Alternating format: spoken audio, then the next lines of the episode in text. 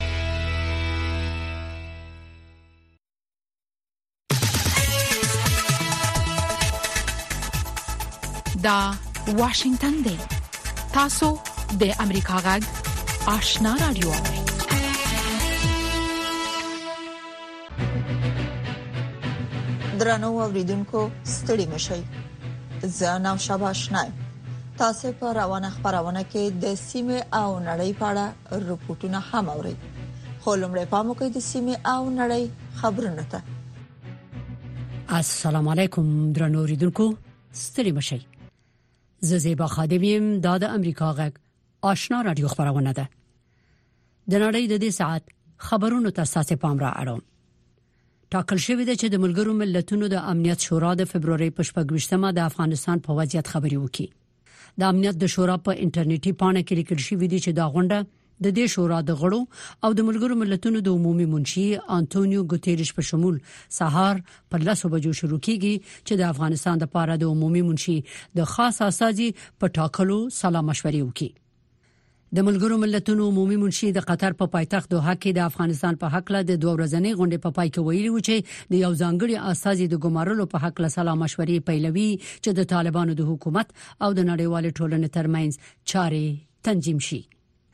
د طالبانو د سرپرست حکومت د بارنیو چارو وزیر امیر خان متقی د ترکمنستان د بارنیو چارو وزیر رشید مرادوف په بلنه د یو هیئت په مشرۍ په دوه اړخیزو مسایلو د خبرو لپاره ترکمنستان ته تللی متقی په داسې وخت کې ترکمنستان ته تللی دی چې ډیر زر په ترکمنستان کې د افغانستان د گاونډیو هیوادونو د بارنیو چارو د وزیرانو پنځمه غونډه کیږي دا غونډه د هغو غونډو ادامه ده چې په افغانستان باندې د طالبانو د بیا واکمنېدو نه وروسته د پاکستان په نوښت پیل شوه او لومړنۍ غونډه د 2020 کال د سپټمبر په میاشت کې په اسلام آباد کې شوې ده د طالبانو د ریاست الوزرا سیاسي مرستیال د کورنیو او بهرنیو بنسټونو او مرستندویو ادارو نه غوښتي دي چې په افغانستان کې وچکالي ځپلو سره مرسته وکړي. ملي رادیو تلویزیون چې د طالبانو په کنټرول کې دی په ایکس شبکه کې لیکلي دي چې مولوي عبدالکبیر دا خبره د لغمان د ولایت د کوچیانو او قومي مشرانو سره په غونډه کې کړې ده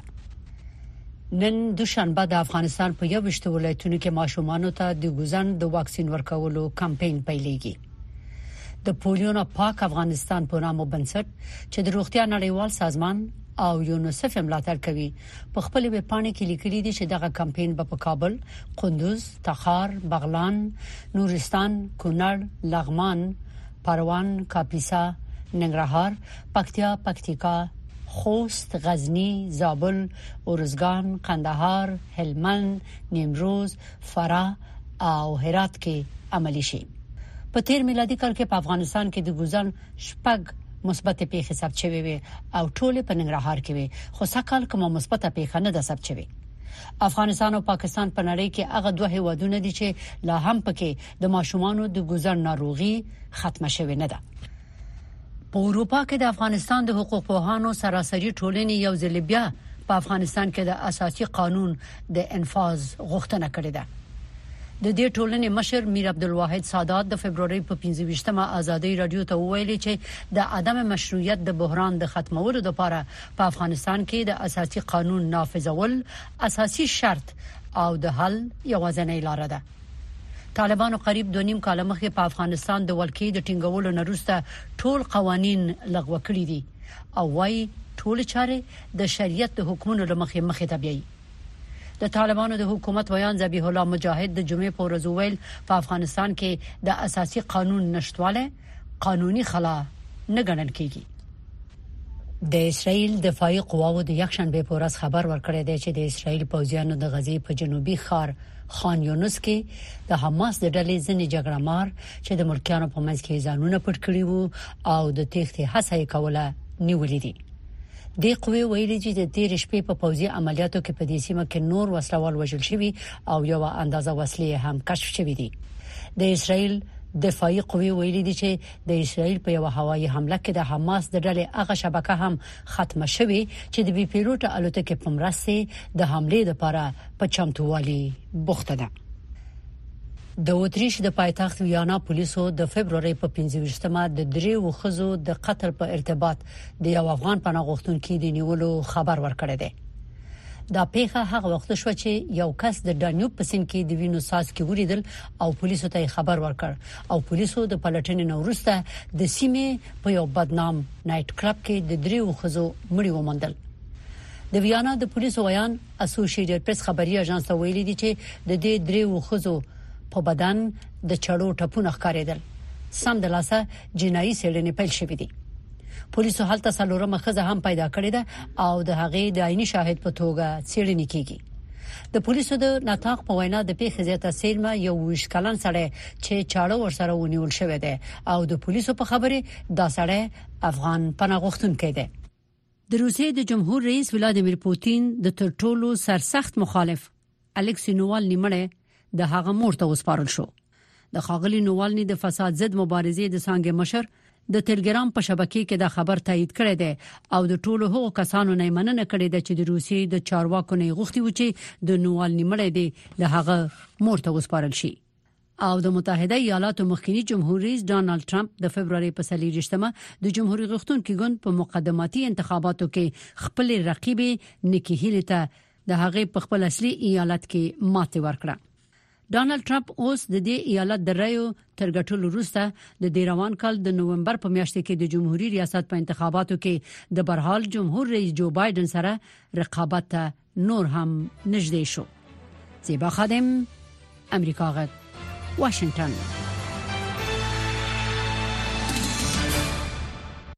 د سیمه او نړۍ خبرونه واوریدل په موقع د سیمه او نړۍ په اړه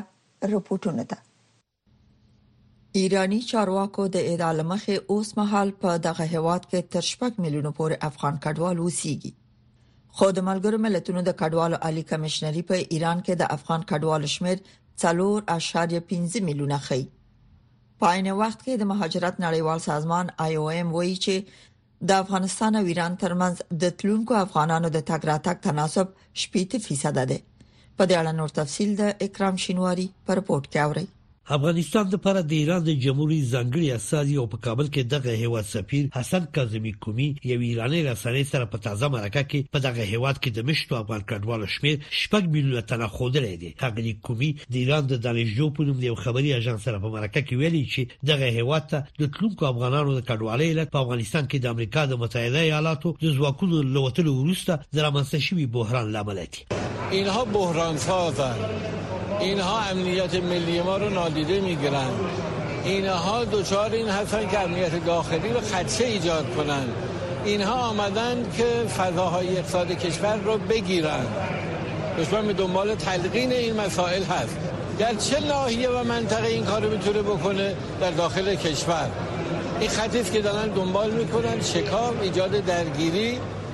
نگران کردن جامعه افغانستان لپاره د ایران د جمهوري ځانګړي استازي ټینګار کړی چې باید په افغانستان کې شرایط چمتو شي چې دغه افغان کډوالو یو برخه بیرته خپل وطن ته ستانه شي دغه لوړپوړي ایراني ډیپلوماټ د هم ویلي چې دغه هیواد دښمنان هڅه کوي چې د ځینو موضوعاتو په تلقین سره د ایرانیانو او افغانانو ترمنځ فاصله زیاتې کړي کاظمي قمي دا څرګندونې په داسې حال کې کړي چې د ایران د کورنیو چارو وزیر احمد وحیدي یو ځل بیا په دغه هېواد کې د قانوني اسنادو نه لرونکو افغان کډوالو په ستنېدلو باندې ټینګار کړی او ویلي دي چې نور کډوال هم باید د یو منظم پروګرام په ترڅ کې ستانه شي ترڅو د ښاغلي احمدي په وینا د خپل هېواد په آبادولو کې ونډه واخلي د طالبانو حکومت د مهاجرینو او سرېدونکو چارو وزارت شپېلنې ښیي چې په تیرو ورځو کې نږدې یو لزر افغان کډوال په جبري او یا هم په داوطلبانه ډول ایران څخه افغانستان ته ستانه شوي د دغه وزارت د معلوماتو لمخې د دغه سنو شو اکثریت خزي او ماشومان دي د ایران څخه څو تنو په جبري ډول سنو شو افغان کډوالو امریکا غږ ته ویل چې ایران ته د اقتصادي ستونزو لامل تللی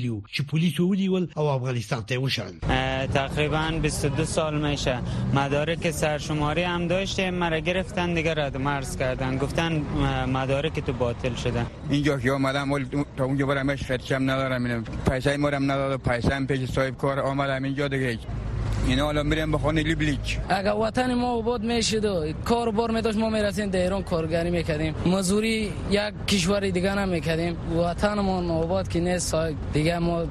میریم دا وطن مردم داوی مردم هم میشنویم لات مردم هم میشنویم کارشان میکنیم پول هم که نداد دیگه چیزی به او گفته نمیتونیم چون کشور خودت نیست په دې وخت کې د ملګرو ملتونو د مهاجرت نړیوال سازمان ویلي چې ایران ته د تلونکو او له دغه هیواد څخه د ستنیدونکو افغان کډوالو تناسب شاوخوا شپېته فیصده دی دغه سازمان ویلي چې د روان 2023م کال د فبرورۍ د میاشتې له 11 څخه تر 18 ورځې پورې و دې ځره افغان کډوال له ایران څخه افغانستان ته ستانه شوي او په همدې موده کې شاوخوا 15000 نور افغانان بیرته ایران ته تللي دي د ملګرو ملتونو د کډوالو د عالی کمشنرۍ یو نشتیار د شمیرونو لمخې اوس مال 3.5 میلیونه افغان کډوال په ایران کې اوسېږي په دې شمېر کې هغه افغانان هم شامل دي چې د 2020 کال د اګست د میاشتې وروسته دغه هیواد ته تللي دي دا کمشنري وایي چې دغه شمېر 2.8 میلیون افغانان سم شوي او اوس او 50 زره نور په ایران کې د امایش کارت لرونکي دي د ملګرو ملتونو د کډوالو عالی کمشنري ویلي چې په 2023 کال کې په ایران کې مشتو افغان کډوالو ته د خدماتو د وړاندې کولو لپاره څه باندې دوه سوه او دوه پنځوس میلیون ډالرو ته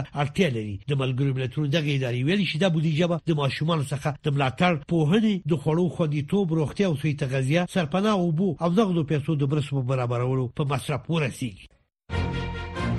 انتظار پای ته ورسید ترنو لیدونکو او اوریدونکو تاسو کولی شئ د امریکا غا ټلویزیونی او رادیوي خبرونه د یاشار ساتلایت له طریقو وګورئ او واورئ د نوي ساتلایت لارې تاسو د آشنا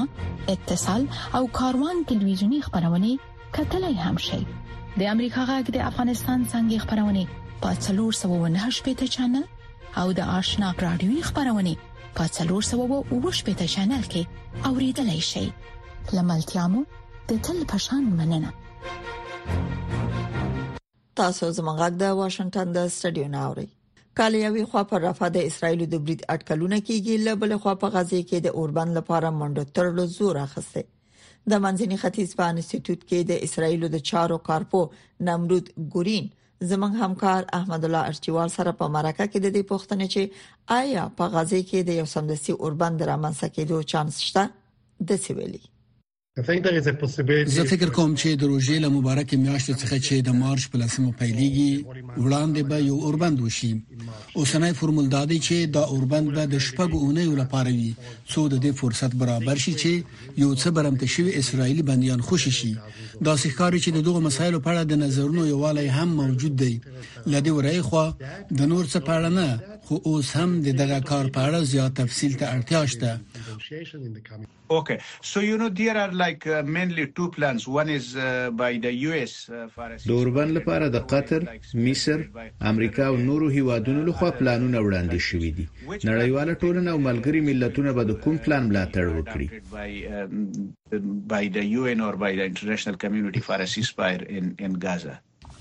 زما له نظره هغه څه چې مونږ یې ګورو هغه داسې یو چوکاټ دی چې امریکا د قطر او مصر سره په ګډه راوړاندې کړی دی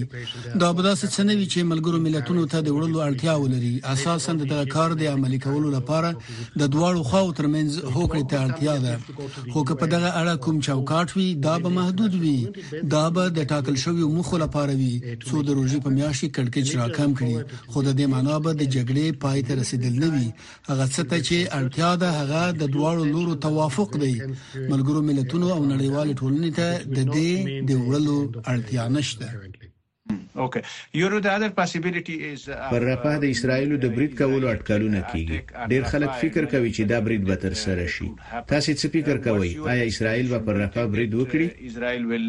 اټیک رفاه د اسرایلی پوځي ستراتیژیستانو له نظره که د جګړې ټاکل شوې موخې په نظر کې ونیول شي په دغه اړه یو تړاو موجود دی او دغه عملیات ښایي تر سره شي ځکه دا کار د جګړې په لومړي سر کې د اسرایلو د مشرتابه لخوا د حماس د پوځي ځواک د لمنځوړلو سره سم دی دا هم حقیقت دی چې د حماس دوه ځواکمن ډلې په رافا کې ځای پر ځای شوې دي او دوی له دغه ځای څخه خپل عملیات په اسانۍ سره تر سره کولای شي خو اسرائیل پر رفح د برید په اړه د امریکا او د مصر د غوښتنو سره ډیر حساس دي ځکه دوی یقیني کول غواړي چې له غزې څخه د مصر سینا دښتې ته د کډوالو سیل پیل نشي په داسې فورمولونو چې خای د کډوالو لپاره یو داسې ځای چې کله د کار په صورت کې ورته کډوال ورشي په دې حق له بحثونه هم شوي دي پر رفح خای له روزي څخه وروسته د برید په اړه بحثونه هم وشي یو ایس کال فار اې ټو سټیټ سلوشن اینډ ان د مین ټایم یو ایس ایز ایفرټس فار. امریکا له یو اړخه د اسراییلو د دولت تر څنګ د فلسطیني دولت د جوړېدو په اړه خبرې کوي او له بلې خوا د اوربند لپاره هم هڅې کوي. تاسې د امریکا او اسراییلو په اړیکو کې کوم تغیر ګورئ؟ امریکا اسراییلو ته د دې کارونو له لارې څه ډول پیغام ورکول غواړي؟ What message do you think the US is trying to convey to Israel؟ زما له نظر امریکا له دې چې نتنیاهو څه ډول د جګړې ډیپلوماټیکي اړخ پر مخ بیي خوشاله نه دی امریکا د جګړې له پیل څخه تر اوسه د اسرایل ملاتړ کوي امریکا د دې لپاره چې وکړای شي د اسرایل څخه ملاتړ ته دوام ورکړي شي ټول لارې چارې په نظر کې نیسي خو امریکا له اسرایل په ډیپلوماټیک ډګر کې هم پرمختګ غواړي امریکا په منځني ختیځ کې د خپل ملګرو سره مشورو ته دوام ورکوي دوی هڅه کوي چې د سیمه ییزو ملګرو لکه سعودي عربستان سره ملګرتیا او په فلسطیني اداره کې د تغییر حقیقتونه په نظر کې ونیسي امریکا په دې ټولو کارونو کې د اسرایل لومړی وزیر نتنیاهو د ملګری په توګه نه مومي دا د امریکا د ډیپلوماټیکي بستې و نوې برخه ده په دغه برخه کې د بایدن او نتنیاهو اختلافات وخت په وخت رابرسېره کیږي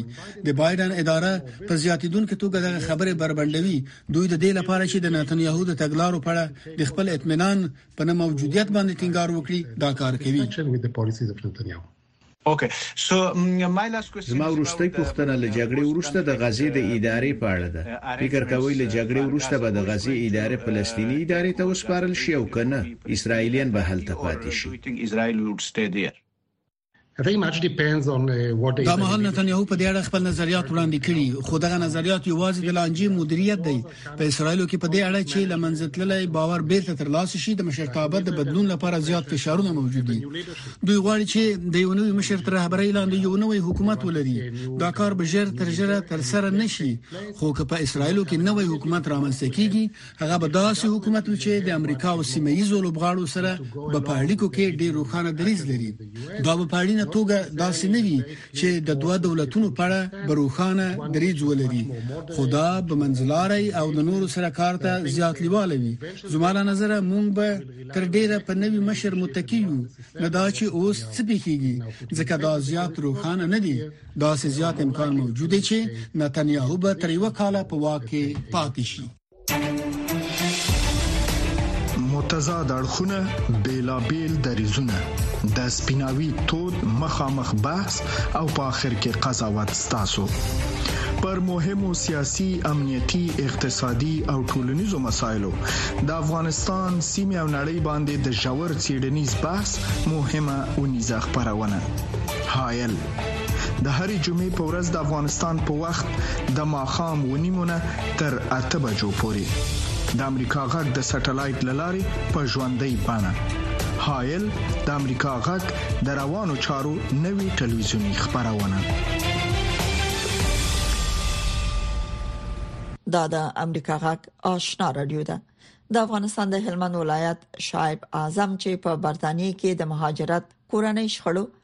او له مدني دعوو سره اړوندو قضیو کې د مدافع وکیل په توګه خپل خدمات سرته رسي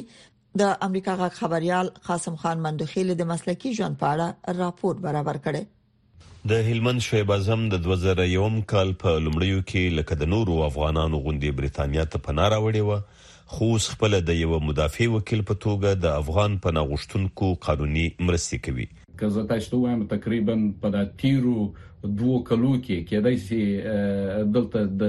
څلویښت پنځوس زرو افغانانو په تعداد باندې خلک را کډوالیدو ته مجبوره شوي راغلي او دا لړۍ اوس هم دوام لري نو په دې کې تقریبا خپل تر توانه پورې سونه کیسونه چې موږ اخیستلای شو او کومک مو کولای شو کړی مو دي خدا به د لسګونو په تعداد کې شعیب اعظم یو څو نه وړاندې یو تکړه افغان سندرغاړي همایو انګار ته له قانوني لارې د بریتانیا دوه کلنه ویزه هم اخیستې ده په بریتانیا کې په لوی شمېر هغه افغان کډوال چې له پټو لارو دې هېواد ته ورغلي دي، له قانوني ستونزو سره مخامخ وي.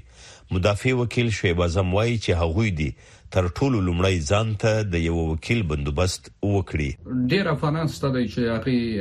مهاجرت، پنایندګي، درخواستونه یې رد شوي دي. هغوی ته په کار ده چې اړیکه ټینګه کړي زموږ سره یا د نورو وکیلانو سره او خپل د کېسو څېړنه وکړي. بعضی د کیسونو سره چې هغه کولای شي یا سر دوباره ورته اپلای وسی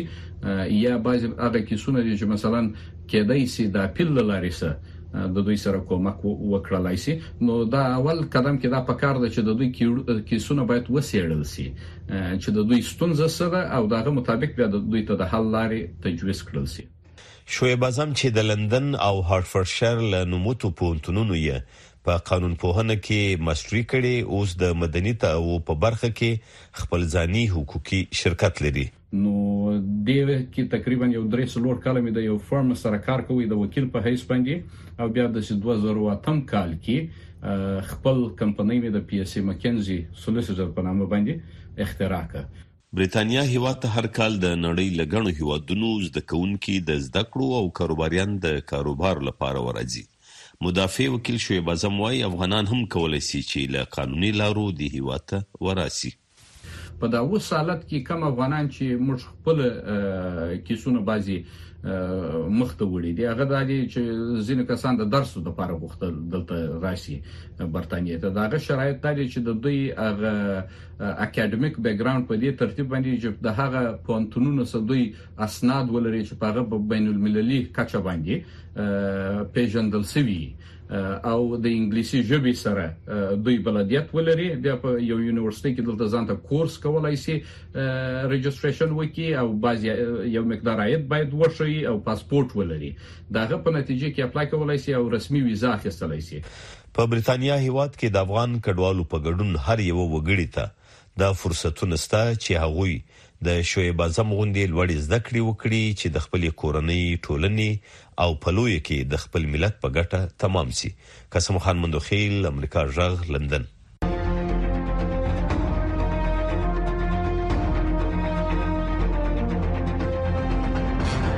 اتصال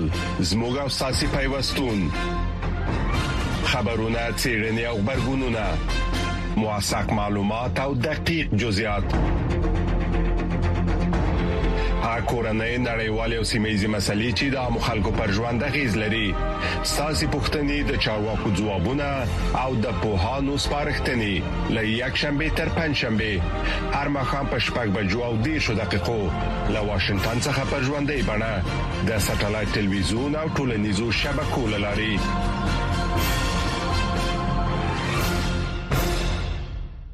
درنو اوریدونکو په زابل کې د پولیو واکسین په برخه کې پرمختګونه لیدل کیږي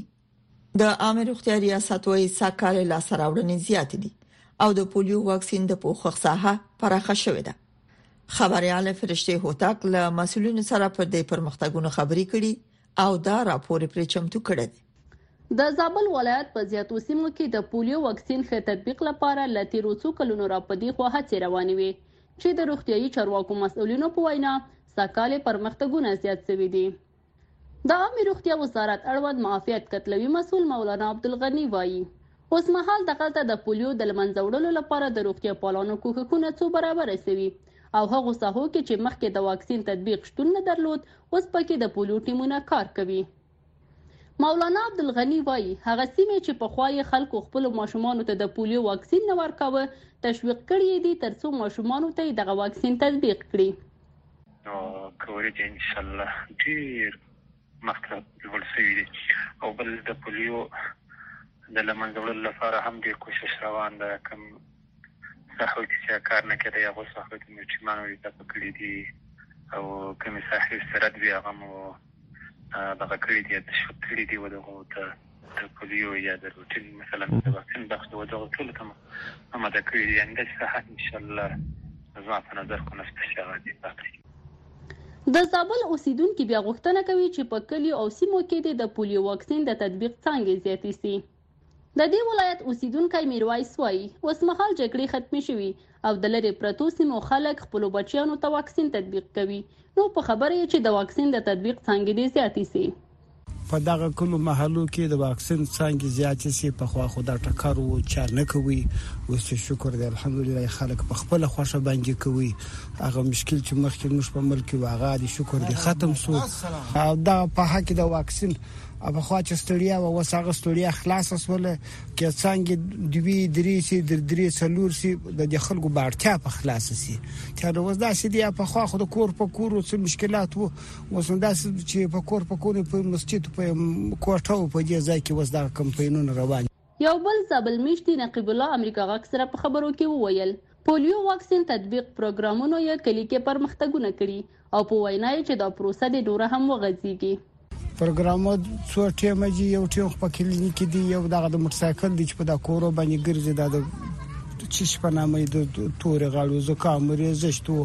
او دا شیر و دغه کو یو د پیلیو پلج په نامه باندې واکسین دی چې په مثال و دا ټیم راځي ګرځي او موږ په کلی کې د پیلیو واکسین شو واده کړی دا موږ غوښتنه کوو چې نور هم دغه پروسه مخته ولاړ سي حرکت وکړي لکلونو را پدې خو د زابل په بیلابیلو سیمو کې د پولیو ناروغي د لمنځه وړلو لپاره د عامه روغتیا وزارت یونیسف او روغتیا نړیوال سازمان لخوا هڅې پیل شوې وې چې اوس یې د مسئولینو په خبره مثبته نتیجه ورکړې ده فرشته هوتک امریکا غږ درنو اوریدونکو دا د اوس په یو سرمقاله ووري چې د امریکا د حکومت نظر څرګندوي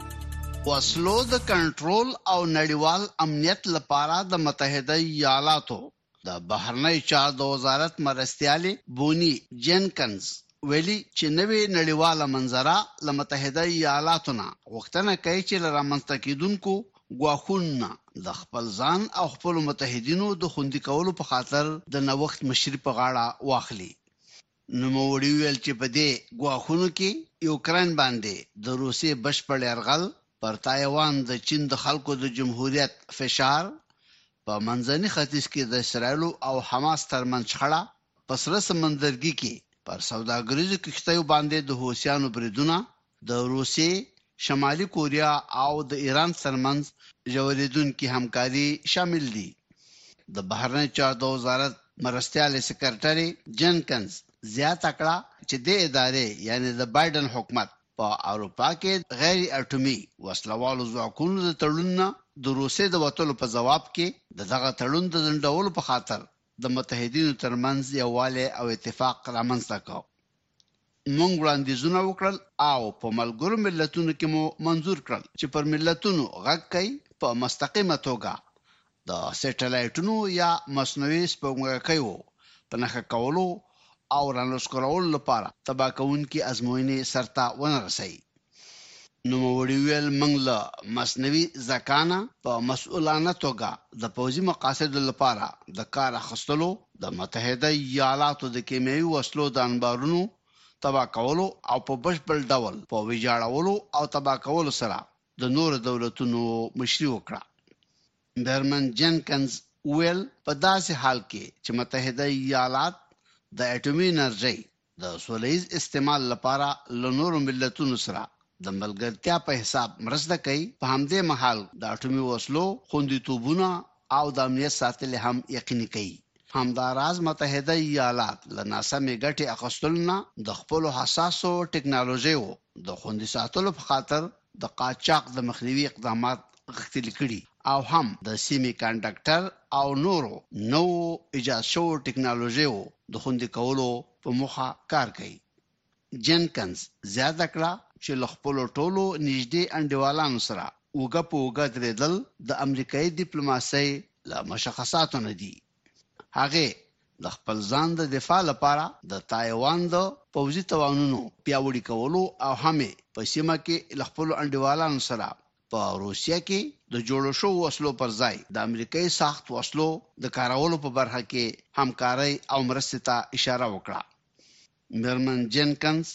همداشان د اسټرالیا، برېتانیا او متحده ایالاتو ترمنځ درې اړخیزه امنیتي ملګرتیا